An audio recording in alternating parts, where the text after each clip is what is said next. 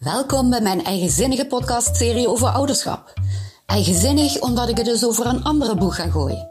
Er komt geen lijst met do's en don'ts. Er zijn gesprekken. Gesprekken met kinderen, ouders, professionals die met kinderen werken en ook zelf ouder zijn. En ze vertellen ons daarin over de zin van eigenheid, authenticiteit. Want daarmee kun je nog plezieriger ouder zijn en kind zijn. Bevestiging, herkenning, verveling, irritatie of inspiratie. Wat jij eruit haalt, laat je verrassen.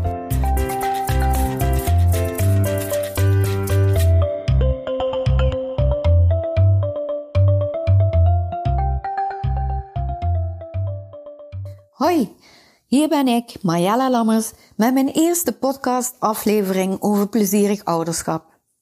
In deze aflevering vertel ik waarom ik een aantal afleveringen over plezierig ouderschap opneem, in welke vorm ik dat giet en wat ik daar uiteindelijk graag mee wil bereiken.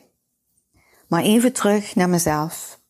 Voor wie me nog niet kent, ik werk met kinderen van 4 tot 25 jaar. Die kinderen, dat zijn normaal ontwikkelde kinderen, hebben om een of andere reden tijdelijk een probleem. Ze zitten niet zo lekker in hun vel. Dat komt meestal bij kinderen tot uiting in lichamelijke klachten. Als je met kinderen te maken hebt, heb je ook met ouders te maken. In de loop van de jaren heb ik heel veel verschillende ouders gesproken en begeleid. En het zijn niet de ouders die schuld zijn aan de probleem of de hulpvraag van het kind. Nee hoor, maar het is wel zo dat ze een belangrijke bijdrage kunnen hebben in het snel weer herschikken, het resetten van hun kind. Het leren weer veerkrachtig terug te buigen naar een eigen balans tussen draagkracht en draaglast. Zoals wij ook daarvoor moeten waken bij onszelf als volwassenen. Toen dacht ik van nou, ik zit hier wel heel effectief en um, dankbaar te werken met mijn kinderen. Maar misschien is het nog belangrijker om meer aandacht te geven aan het feit dat we met z'n allen als volwassenen, ouders, grootouders, mensen die met kinderen werken, nog alerter te worden op wat een specifiek kind echt nodig heeft op dat moment. En daarmee ga ik even voorbij aan concrete tips over uh, bedtijden, leefstijlen, die one size fits all adviezen, die zijn heel nuttig. Dat zal ik zeker niet ontkennen. Zeker wanneer je twijfelt over welke maatregelen goed zijn. Maar het is nog meer de moeite waard wanneer je gewoon goed kijkt, luistert naar jouw kind en wat het eigenlijk van jou vraagt. En wat het misschien zelfs wel door zijn gedrag aan jou laat zien van wat er nodig is. En omdat ik denk dat ik daar voorlopig niet toe kom om in grote groepen over te vertellen, doe ik het in een podcastvorm. En ik doe het niet als persoon die weet hoe het moet, want wie ben ik? Ik ben ook gewoon maar een ouder. Maar ik wil het graag bespreken met mensen die hier ook betrokken bij zijn. Kinderen van verschillende leeftijden, ouders in verschillende omstandigheden en professionals die met kinderen werken en ook ouder zijn. Ik heb daarvoor een aantal vragen bedacht die ik hun ga stellen. Wat het antwoord zal gaan worden op deze vragen? Ik heb geen idee. Ik laat me verrassen.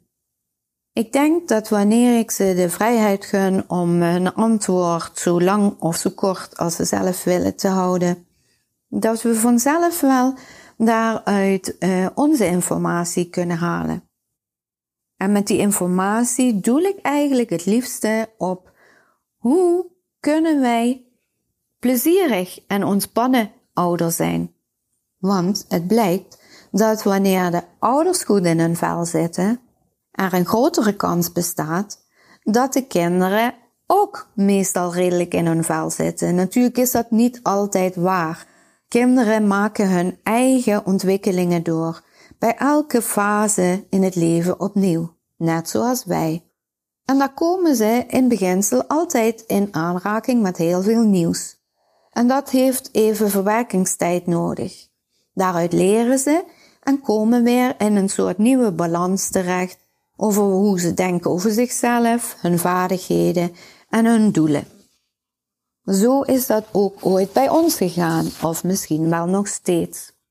Wanneer wij dus als volwassenen kunnen zorgen dat wij een voorbeeld zijn voor hen, hoe wij omgaan met nieuwigheden, met um, teleurstellingen, verlies, pijn, mislukking, enthousiasme, plannen maken, dromen realiseren, dan geven wij eigenlijk op een hele ontspannen manier, zonder format, het beste voorbeeld aan ons kind. Een mooier cadeau kun je hem eigenlijk niet geven. Je kind leert het makkelijkst door een voorbeeld. Niet één keer, maar steeds opnieuw. En misschien is dat nu eventjes hier wat makkelijker gezegd dan in de praktijk uitgevoerd. Zo was dat bij mijzelf ook. En zo zie ik het ook gebeuren. Stel je voor een ouder die zegt, dat hoor ik bijna elke dag, doe eens wat rustig. Nou ja, uh, ik hoef het niet uit te leggen. Hè? Dit snelle en uh, onrustige gedrag zal in ieder geval aangeven dat de ouder niet rustig en ontspannen is. En zal ook niet gaan leiden tot rustig en ontspanning zijn, ontspanning geven van je kind. Of zo'n simpel voorbeeld als Schreeuw niet zo! Ja, nu lach je erom. Maar weet je hoe vaak ons dat gewoon overkomt? Het is natuurlijk, als je het objectief bekijkt, een rare boodschap. Je schreeuwt terwijl je zegt dat je niet moet schreeuwen. Je maant tot rust terwijl je zelf onrustig bent. Ik ben best nieuwsgierig naar hoe gaat dat dan bij jou? Ik weet dat het mij vaak genoeg gebeurde dat ik uit mijn slof schoot, geïrriteerd was of te moe om goed te luisteren. En dat mag ook, je bent ook maar een mens. Je krijgt bij het ouderschap zijn geen gebruiksaanwijzing.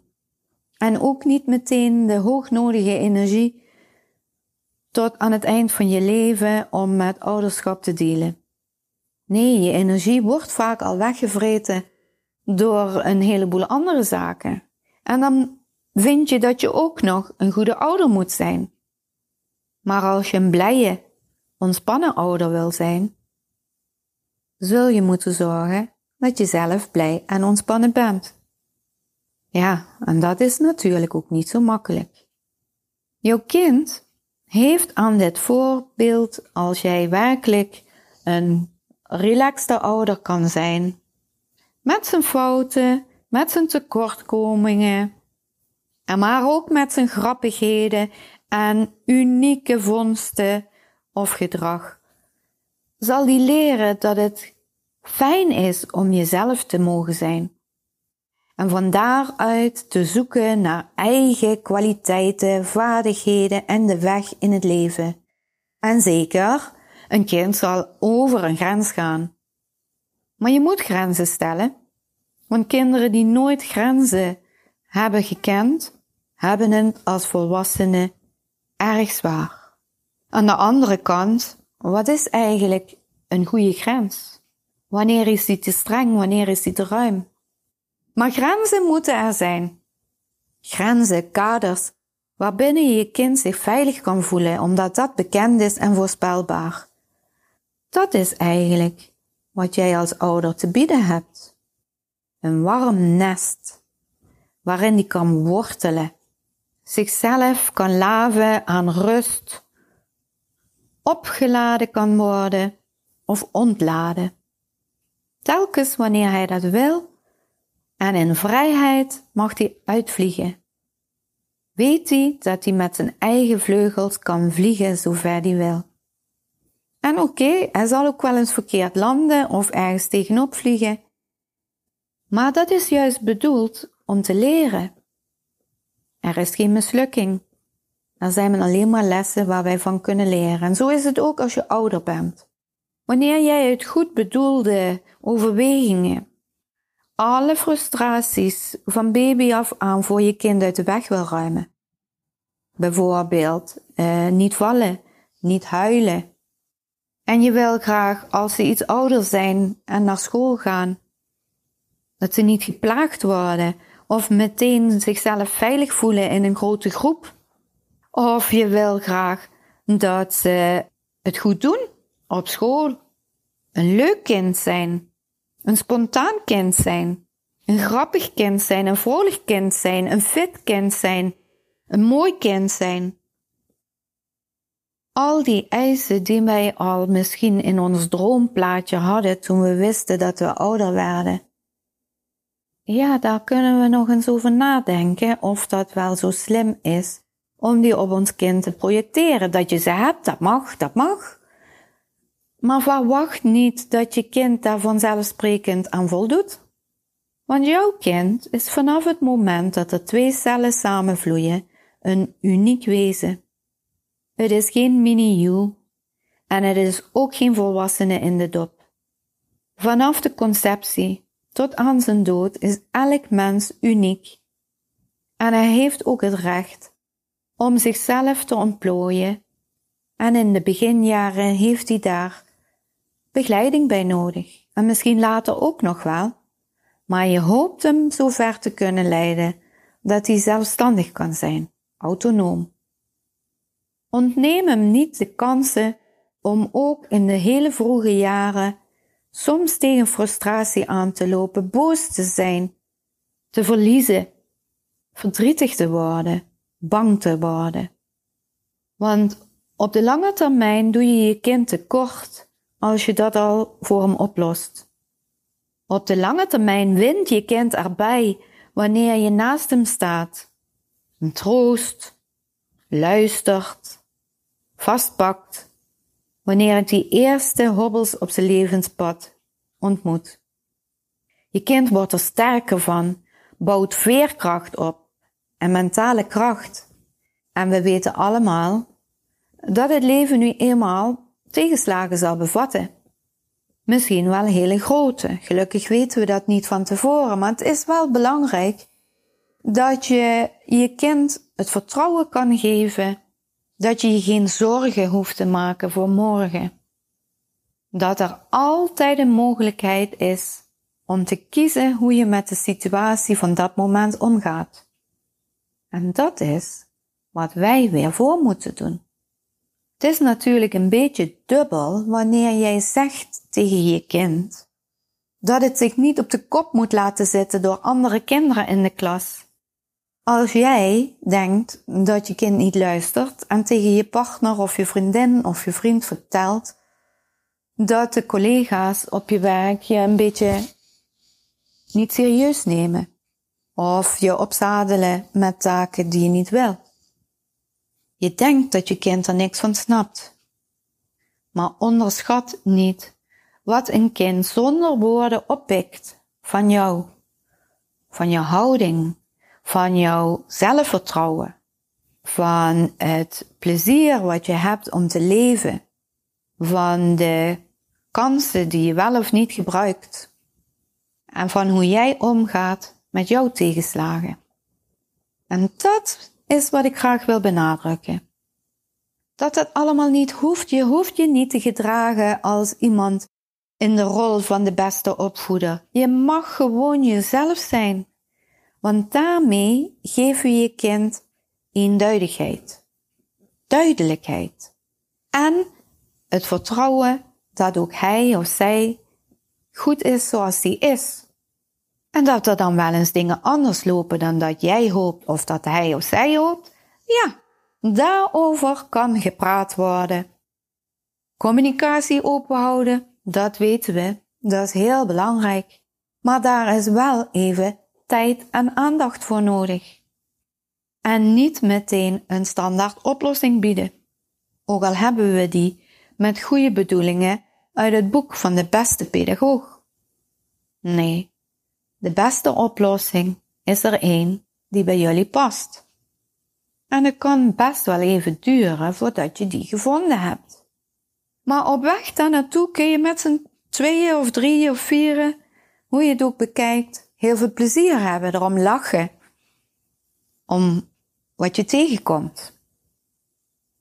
Achteraf moet ik zeggen dat ik als ouder, inmiddels ouder en grootouder, van volwassen zonen die al lang het huis uit zijn, er inderdaad wat luchtiger over kan denken. Ik moet heel eerlijk toegeven dat ik geen ontspannen ouder was in de jonge jaren van mijn kinderen. Dat had te maken met wie ik als mens toen was. In de loop van mijn jonge jaren had ik een aantal uh, overtuigingen in mijn hoofd vastgezet, die ook te maken hadden met hoe je kinderen op moet voeden. Als puber wist ik al hoe ik later mijn kinderen zou opvoeden. En ik dacht dat dat de goede manier zou zijn. Heel veel jaren later weet ik dat je op verschillende manieren in je leven verschillende meningen opbouwt. Maar als meisje van 16 dacht ik dat ik het wist. En zo zou ik het gaan doen. En wel heel anders dan wat mijn ouders hadden gedaan. Niet omdat het fout was, maar omdat ik een andere mening was toegedaan. En zo geschiedde. Ik werd eh, moeder. Niet zo simpel, niet eenvoudig. Ik heb er best voor moeten vechten in figuurlijke zin om moeder te worden, om biologische moeder te worden. En toen dat eenmaal gelukkig ook kon gebeuren, nam ik me voor dat ik dit geschenk niet zou verprutsen.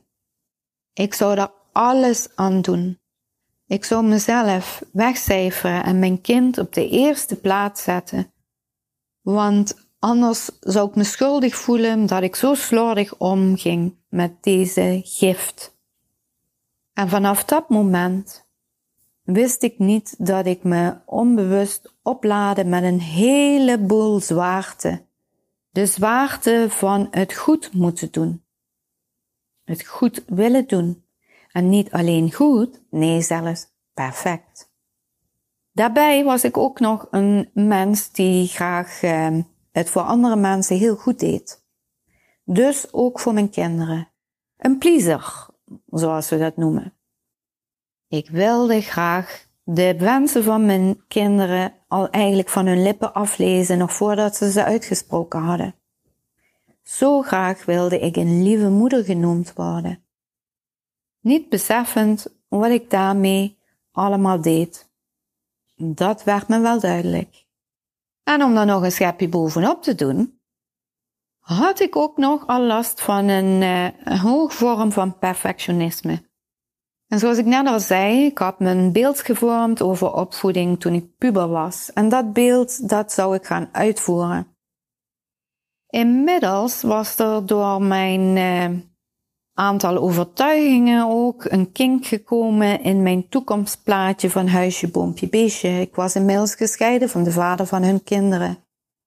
Ik voelde me super schuldig, omdat ik mijn kinderen het dagelijks leven met hun vader ontnam en een luxe leventje. En van daaruit werd mijn opgave voor mijzelf om te voldoen aan perfect ouderschap nog groter. Ik zou bewijzen dat ik in mijn eentje dat ouderschap heel goed aankon. En met een overdreven enthousiasme volgde ik alle adviezen van pedagogen, psychologen. Ik was kindertherapeut, dus ik had ook nog de beschikking over alle literatuur. In mijn hoofd was het bezig zijn met ouderschap een heel groot issue geworden. En zonder dat ik het in de gaten had, vergat ik soms te genieten van de momentjes die ik met mijn kinderen had.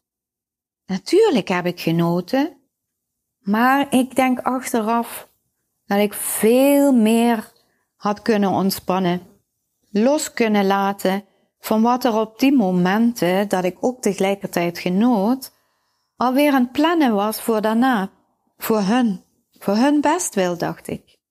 En daarmee deed ik mezelf, maar hun misschien ook wel tekort.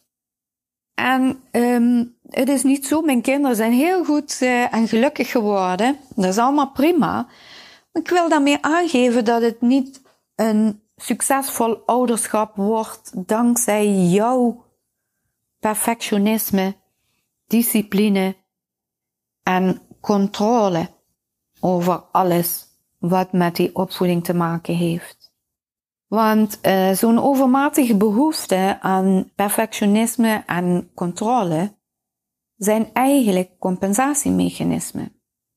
Ik ga hier geen uh, verhaal houden over uh, hoe je persoonlijk in elkaar zit. Dat is niet aan mij.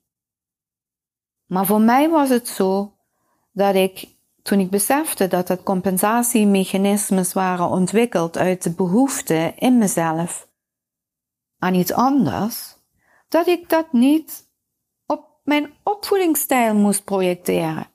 Want ontspannen ouderschap is mogelijk. En ik wens jullie, als jullie dit beluisteren, ook heel veel plezier tijdens die fases die we allemaal door moeten. Ook de stressfases, de fases waarin je slaaptekort hebt, je zorgen maakt. Misschien je carrière doorkruist omdat je op een of andere manier uh, voor je kind daar moet zijn. Of andersom, dat jij wanneer je je baan wil behouden, je niet aan je kinderen kunt wijden zoals jij dat wil.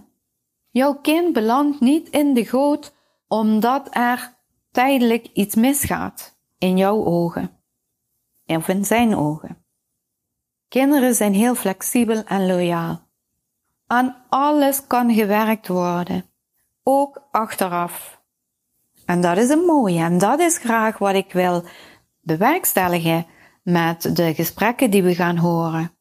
Ook al maak je fouten of denk je dat iets fout is, sla je een keer de plank mis of heeft je kind uh, verdriet omdat hij zo'n slechte ouder heeft en niks mag. Alle andere ouders vinden dat wel goed en jij niet. Ga je daar dan niet meteen als een schuldige doorvoelen en uh, daar compenserend op handelen? Probeer er eens met luchtigheid naar te kijken en te bedenken hoe dat was als jij in de positie van je kind had gestaan. En tot slot, na deze best wel zware eerste aflevering, wil ik je even kennis laten maken met de vragen die ik in de volgende afleveringen aan kinderen, ouders en experts ga stellen. Vraag 1, en dan kun je er maar vast eens even over nadenken misschien. Wat vond jij een grappig of een gek of een roerend moment met jouw kind of met jouw ouders? En dan heb ik nog vraag 2. Hoe vind jij het om kind of ouder te zijn? Anders gezegd, bedenk even hoe het was voor je in de rol van kind en in de rol van ouder. Vraag 3. Heb je het gevoel daarin altijd jezelf te kunnen zijn? Ben je altijd jezelf geweest? Vraag 4.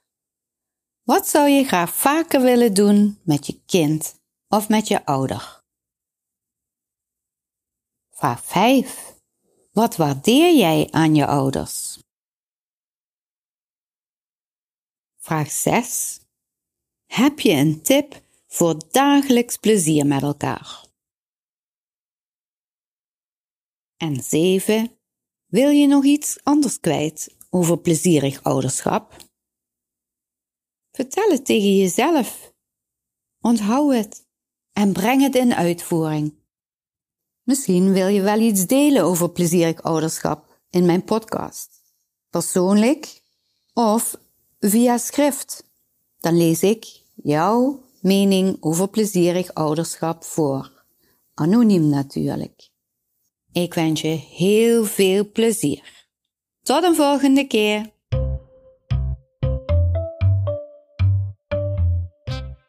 Superleuk! En dankjewel dat je luisterde naar deze aflevering. Wil je meer van deze verhalen horen? Abonneer je dan.